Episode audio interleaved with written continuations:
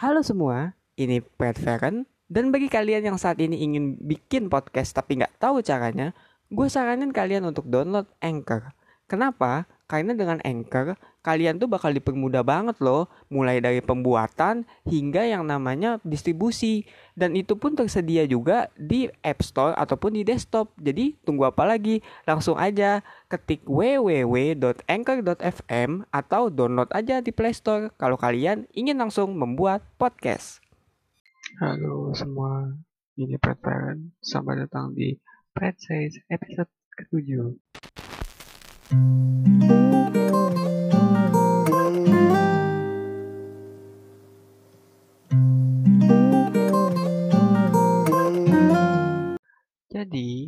di episode kali ini gue akan membahas mengenai film.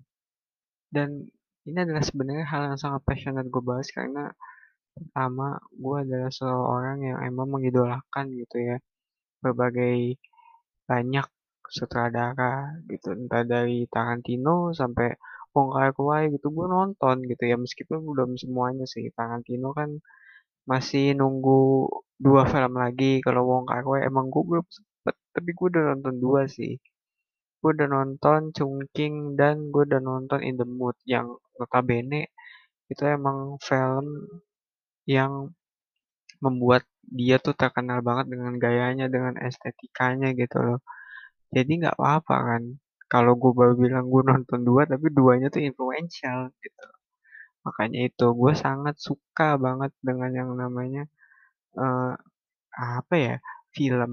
Karena ya dulu ya, meskipun ini nggak nyambung sih, ya ya nggak nyambung lah dengan kenapa gue suka Wong Kar tapi dulu tuh gue suka banget sama film macam apa ya di bukan dating apa di Project A gitu kan. Terus kayak misalnya filmnya Jam Jackie Chan UMI terus lagi ya uh, City Hunter itu yang ikonik banget sih gue selalu rewatch itu. Karena emang gue gak tahu kenapa itu adalah awal gue untuk mengenal film jauh lebih baik gitu. Karena gue dulu tuh awalan gue suka film dari film-film kayak gitu dulu yang berantem buat gear gitu emang mediocre banget sih kayaknya ya biasa aja. Tapi di mata anak kecil gitu ya film action kayak gitu tuh bagus loh keren loh. Apalagi kan juga Jackie itu kan gak cuma sekedar action doang dia. Dia tuh udah action mainin properti which means itu gila sih capek banget. Apalagi dulu kan ada ya uh, kayak behind the scenes-nya di TV gue tuh inget tuh itu tengah malam apa jam 9 gitu gue rasa gue nonton itu dan kayak gue ngeliat buset ya ternyata gila juga dia. Koreonya dari sini ke sini terus juga ketika dia kena suatu benda bendanya langsung dipakai. Maksudnya presisinya gitu loh akurasinya gitu loh yang bikin gue suka dengan filmnya Jackie Chan dan ya ada benih-benih lah di mana gue cinta dengan film gitu. Yang kemudian berkembang sampai gue kuliah di semester 5 gue sudah semester 5 gitu. Gue emang jurusan gue berbeda gitu dengan perfilman HI tapi di semester 5 itu tuh gue kayak yang tuh gue pengen banget nih bikin film gitu. Kayak baru menemukan passion lah gitu. Kayak passion gue bukan di diplomat yang seharusnya tapi gue menjadi seorang yang kerja di dunia kreatif gitu. Dan jatuhnya ya gue kayak pengen banget bikin film gitu kan. Dan makanya gue dari situ ya dari beberapa niat yang gue pengen bikin film itu gue nonton tuh gue banyak belajar tuh soal apa namanya film gitu kan ya. Dan pelajaran paling utama ya selain cuma belajar basic megang kamera segala macem gitu ya karena ya itu kan kayak teknikal lah. Tapi yang paling penting itu kan referensi sebenarnya kayak lo kenapa begini? Karena ya begini gitu maksudnya motif dibalik kenapa lo menggunakan angle terus menggunakan apa namanya sinematografi tertentu dalam suatu adegan gitu. Nah itu yang gue pelajari juga gitu dengan cara ya gue nonton banyak film gitu. Dan dari banyak film itu ya jatuhnya gue jatuh cinta gitu atau kayak langsung merasa kalau wah gue pengen banget jadi sutradara gitu. Ya emang itu juga nggak langsung sih kayak awalnya kayak ya gue cuman mengagumi aja lah kayak oh keren ya begini oh begitu. Terus kayak semakin gue tonton kayak wah gue suka nih dengan kayak gini gue pengen nih bikin kayak gini. Jadi organik lah gue pengennya. Kalau waktu jadi pengen jadi sutradara ini kayak gitu bukannya ah gue ingin jadi sutradara langsung terus kayak kayak gitu. Nggak nggak itu film banget sih anjir. Dan juga gue rasa nggak ada orang yang apa ya di dunia nyata tuh yang kayak sekali suka langsung wah gue bertekad jadi ini terus ya langsung bisa gitu nggak mungkin lah sukanya bertahap pasti kayak oh ya ada yang kayak cuek dulu terus suka terus ada yang emang udah suka terus dia makin suka nah itulah gue gitu yang udah suka makin suka gitu. tambah lagi ya di antara orang-orang atau sutradara-sutradara yang gue tonton ini tuh referensinya tuh sangat-sangat lu apa ya sangat-sangat bagus dan luar biasa sih. Terutama nih ya ini ini mungkin sutradara yang gue jadiin panutan banget gitu selain Wong Kar Wai dan Tarantino. Tarantino gue jadiin panutan kenapa? Karena dia gaya dialognya tuh kayak kita kita dia tuh ngomongnya kayak kita kita gitu ngegosipnya tuh kayak kita kita jadi setiap scene di suatu filmnya atau movie-nya gitu dia tuh berasa banget kayak ada di eranya. Karena dia ngomongin apa yang populer di eranya gitu kan.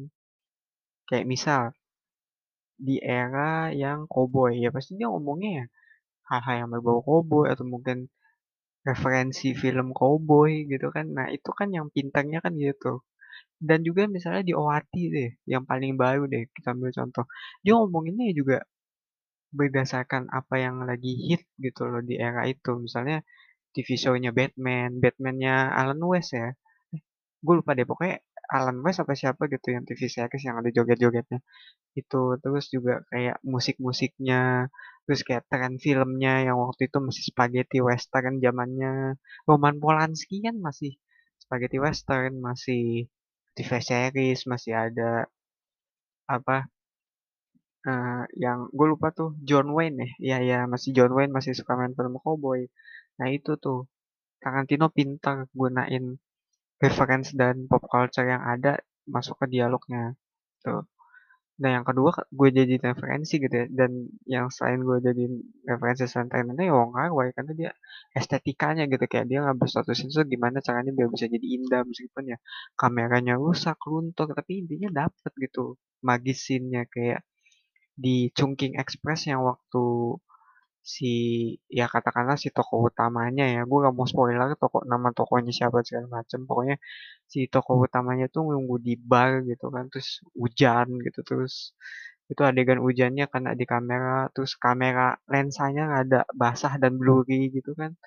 Itu keren loh. Maksudnya keren juga kayak bukannya cuman keren dalam teknik apa ya teknik doang tapi enak dilihat gitu kayak ya lo lihat Tumblr lah pasti tuh adegan dimasukin ke GIF lah. Maksudnya ya parameter adegan keren sekarang tuh apa sih? Kita nggak usah munafik lah adegan parameter adegan keren itu selain keinget-inget dan diomongin terus ya jadi dijadiin GIF gitu. Nah Wong Kar itu banyak gitu loh GIF momennya gitu loh. Nah makanya gue juga jadiin dia panutan tapi sebenarnya ada satu yang gue jadiin referensi utama dan itu pasti kalian sudah sering dengar. Cuman ya mungkin di sini masih dianggapnya komedian lah, masih cuman ngebanyol HII. Pastinya tahu dong siapa. Ya betul, Takeshi Kitano. Kenapa gue jadiin Takeshi Kitano sebagai acuan? Pertama, sekalinya dia syuting estetik, estetik banget. Coba lo nonton A Scene at the Sea. Itu bener-bener estetika banget ya gue tahu emang dia cuma ngambil laut gitu. Laut itu instan lah. Mana mungkin lah lu ngambil gambar di laut jelek gak mungkin. Iya memang. Tapi pinternya Kitano itu dia naikin dikit gitu loh gak cuman oh ini laut bagus. Enggak tapi jalan menuju ke lautnya. Terus juga kayak yang area-area sekitar pantai. Dia pintar gitu gunain long shotnya. Dia pintar gunain wide angle-nya gitu bahkan adegan karakter yang cuma jalan di sekitar pantai aja jadi bagus gitu loh. Makanya gue suka banget sama filmnya dia dan ya coba tonton deh satu. Minimal asin ada sih kalau lo yang suka yang romance-romance dan menyi gitu. Terus kenapa gue suka ngambil dia sebagai referensi utama? Karena ceritanya dia tuh grounded. Ceritanya dia tuh kayak ya manusia biasa yang ujungnya bakal mati gitu. Dan mati itu emang dimasukin ke dalam unsur ceritanya dia karena emang lebih organik gitu loh. Ya coba deh misalnya kan lu nonton film Hollywood semua film Hollywood pasti happy ending. Ya with the exception kalau emang ya filmnya dibuat apa gitu yang tragis atau apa baru karakternya mati ya kan? Atau mungkin supporting castnya mati gitu atau mungkin love interestnya mati baru kan tapi ini enggak film romantis film drama action aja bahkan dia tuh nggak malu gitu masuk ele masukin elemen kematian di dalam situ. Dan itulah yang gua, bikin gue tuh amazed sama ini orang gitu ya. Emang dia tuh revolusioner banget sih. Dan yang ketiga yang bikin gue suka sama dia dia punya ciri khas sendiri gitu. Dia nggak takut yang namanya di apa ya ngikutin pasar gitu. Bahkan film-filmnya dia yang absurd sekalipun juga lu masih bisa tonton gitu. Dan dia juga bikin film bukan cuman untuk bagus doang sih dia pengen dia bikin film tuh untuk apa ya bisa dimengerti dan dihayati. Makanya gue suka banget dengan Takeshi Kitano karena dia nggak maksa filmnya harus mikir pintar enggak. Ya dia pengen bikin filmnya dia buat dinikmati gitu. Dan emang intinya film itu gak sih dinikmati? Makanya gue pengen banget sih. Kalau gue suatu saat nanti ya bikin film gue pengen gitu bikin film dengan gayanya dia. Ya meskipun ya dicampur-campur lah dengan kita apa Tarantino gitu ya. Terus juga apa Wong Kar Wai gitu. Yang merupakan dua referensi utama gue juga gitu.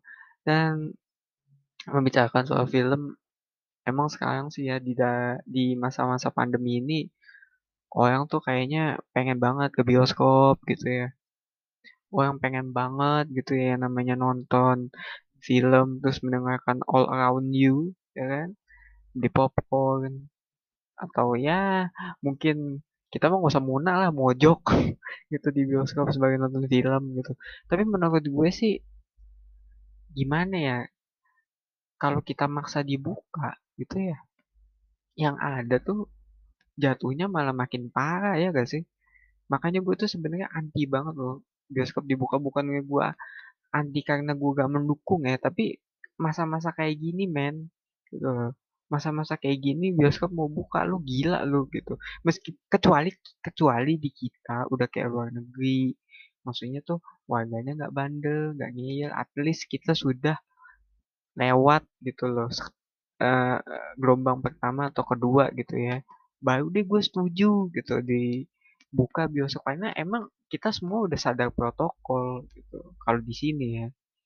Makanya ya gue harap sih sebenarnya pemerintah juga makin tegas gitu ya. Ini gue nggak mengkritik ya gue cuma berharap aja gitu sebenarnya makin tegas dan ya kesampingkan dulu lah gitu buka-buka bioskop ini itu ya. Mending selesain dulu gitu. Gue juga pengen ke bioskop gue juga pengen nonton apa namanya film kesayangan lagi di bioskop karena emang seru gitu. Cuman ya kalau ini nggak selesai gimana kita bisa kembali bioskop?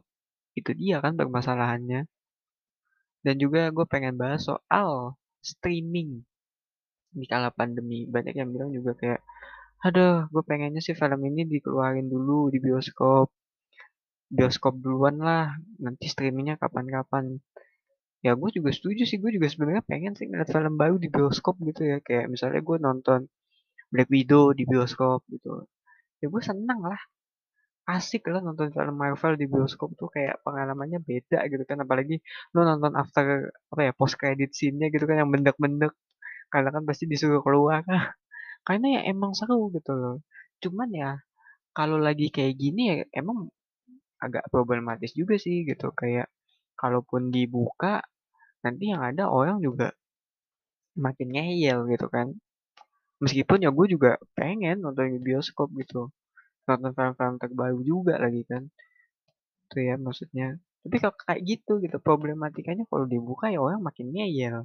Makin kayak oh ya udahlah ngegampangin. Tapi juga nanti kalau gak dibuka ya kayak nyalah nyalahin keadaan dan segala macam Padahal sebenarnya sih menurut gue ya lebih enak streaming. Kenapa gue bilang lebih enak streaming? Kalau di bioskop kan lo nonton bayar. Bukannya gue gimana-gimana ya dengan bayar, tapi kayak kalau lo udah nonton sekali gitu, menurut gue sih lebih enak nonton di rumah loh dibanding kayak lu bayar lagi buat nonton di bioskop dengan perasaan yang sama kayak kecuali lo emang apa ya suka banget atau mungkin ya lo emang punya kenangan tertentu atau lo emang menghargai film itu ya ya oke gitu. Terus lo boleh gitu. Tapi kalau menurut gue pribadi ya untuk yang awam gitu ya mending sih streaming aja lah. Lu juga nonton di bioskop ya sekali doang kan gitu. Bukan ini bu ini gue berbagi perspektif gue aja loh. Karena gini ya kadang film-film yang bagus pun juga perlu loh masuk streaming. Kenapa? Karena kalau misalnya film bagus gak masuk streaming jatuhnya kalau udah hilang susah. Contohlah Night Bus. Itu film pemenang FFV tahun 2017 banyak orang yang bilang bagus banget gitu. Dan ngeselinnya apa? Lu cuma bisa nonton itu di bioskop gitu loh sekarang dia nggak ada di streaming ya paling ada sih beberapa bulan lalu ada dia di adain di suatu apa ya acara gitu. Tapi kan maksud gue tentunya lo pengen nonton itu di rumah bareng keluarga maksudnya tuh itu gitu loh. Makanya kadang gue nggak setuju dengan ide di mana kita nggak mentingin streaming mentingin bioskop doang ya karena kita juga perlu lah nonton bareng keluarga kita juga perlu lah nonton dengan enak di rumah gitu loh maksudnya. Dan gak salah juga kan toh juga misalnya kita streaming legal gitu kan kita bayar ke dia. Kenapa sih harus meributkan masalah streaming versus bioskop gitu ya? Ya ini apa ya agak kritis aja sih. Tapi ya ingin gue sampaikan aja gitu loh. Karena ya emang ini penting juga kan masalah-masalah kayak gini. Dan ya gue mau memberikan rekomendasi beberapa film yang menurut gue bagus sih. Karena gue akui ya nggak semua film bagus itu beneran bagus dan nggak semua film jelek itu beneran jelek gitu. Itu kayak tergantung review. Karena juga jujur aja ya kita semua tuh udah ngedenger reviewnya jelek kayak down gitu. Sedangkan kita belum nonton sendiri gitu kan yang padahal sebenarnya kalau kita udah nonton sendiri bisa jadi tuh lebih bagus dan makanya itu kayak gue mau kasih nih film yang menurut gue bagus. Dan gue gak mau berlama-lama. Pertama lo coba nonton film ini film jadul sih. Coba lo nonton film yang namanya The World of Kanako. Itu bagus banget. Kenapa gue bilang bagus? Karena dia tuh plotnya nggak ketebak ya. Maksudnya dia tuh neo noir ini genrenya neo noir ya gue baca apa ya ibaratnya gue jelek banget lah. Pronunciationnya gue jelek lah ini ini genrenya neo noir dia itu ceritanya soal ayah yang berusaha menyelidiki anaknya. Tapi ayahnya ini nggak tahu apa-apa soal anaknya tuh dan semakin dia cari semakin dia nggak nemu jawaban soal anaknya gitu. Ini menarik gitu. Karena di Noir itu biasanya kita endingnya tuh monoton dan tipe-tipe yang menurut gue paling dominan gitu ya di ending film noir adalah jagoannya menang tapi hampa itu yang pertama. Kedua penjahatnya menang. Ya benar kan penjahatnya menang jagoannya mati. Ketiga tiga tiganya nggak ada yang menang kayak cuman ya udah gitu. Hal apa ya kayak hampa aja gitu. Dan word anak word of Kanako ini ya the word of Kanako ini menurut gue breaking breaking the apa ya noir genre. Meskipun ya gue nggak tahu sih itu bisa dibilang noir apa enggak gitu karena ada elemen-elemen apa ya kadang-kadang ini dikit ya polis prosedural ya gue nggak tahu sih. Tapi intinya itu film wajib ditonton dan menurut gue ya kalau lo pun gak ngerti itu tujuan filmnya gitu loh. Film noir itu nggak dimengerti tapi dirasakan gitu. Jadi ya menurut gue pantas sih untuk ditonton dan kedua ini adalah film yang gue rasa sangat-sangat underrated sih. Kenapa gue bilang underrated? Karena gue yakin gak semua orang tahu film ini. Ini juga film yang gue tonton di saat gue berusia 3 SD dan waktu itu lagi di USG The Story of Ricky atau bisa dibilang Ricky Oh. Ini lo wajib banget tonton ya menurut gue karena dia ceritanya menarik gitu. Ini berdasarkan manga juga kalau nggak salah. Dia ini kalau nggak salah 95 ya. Gue lupa deh ya nanti lo bisa cek. Tapi ceritanya menarik gitu kayak seseorang yang berusaha untuk me, apa ya menyiapkan tiran gitu loh. Seseorang berusaha bernama Ricky yang berusaha menyiapkan tiran dan apa ya ber, e, membalaskan dendam gurunya gitu. Dan gue ngasih warning dulu ini banyak darah banyak gore juga banyak yang namanya uh, apa badan ke mana-mana tapi ini fun gitu loh. Dan kalau lo lihat lagi sebenarnya itu tuh stop motionnya keren gitu jadi kayak sekali dibukul meledak itu digantinya boneka gitu dan itu lo nggak berasa boneka lo bahkan gue dulu waktu masih kecil gue ngeliatnya wah itu real ya anjir.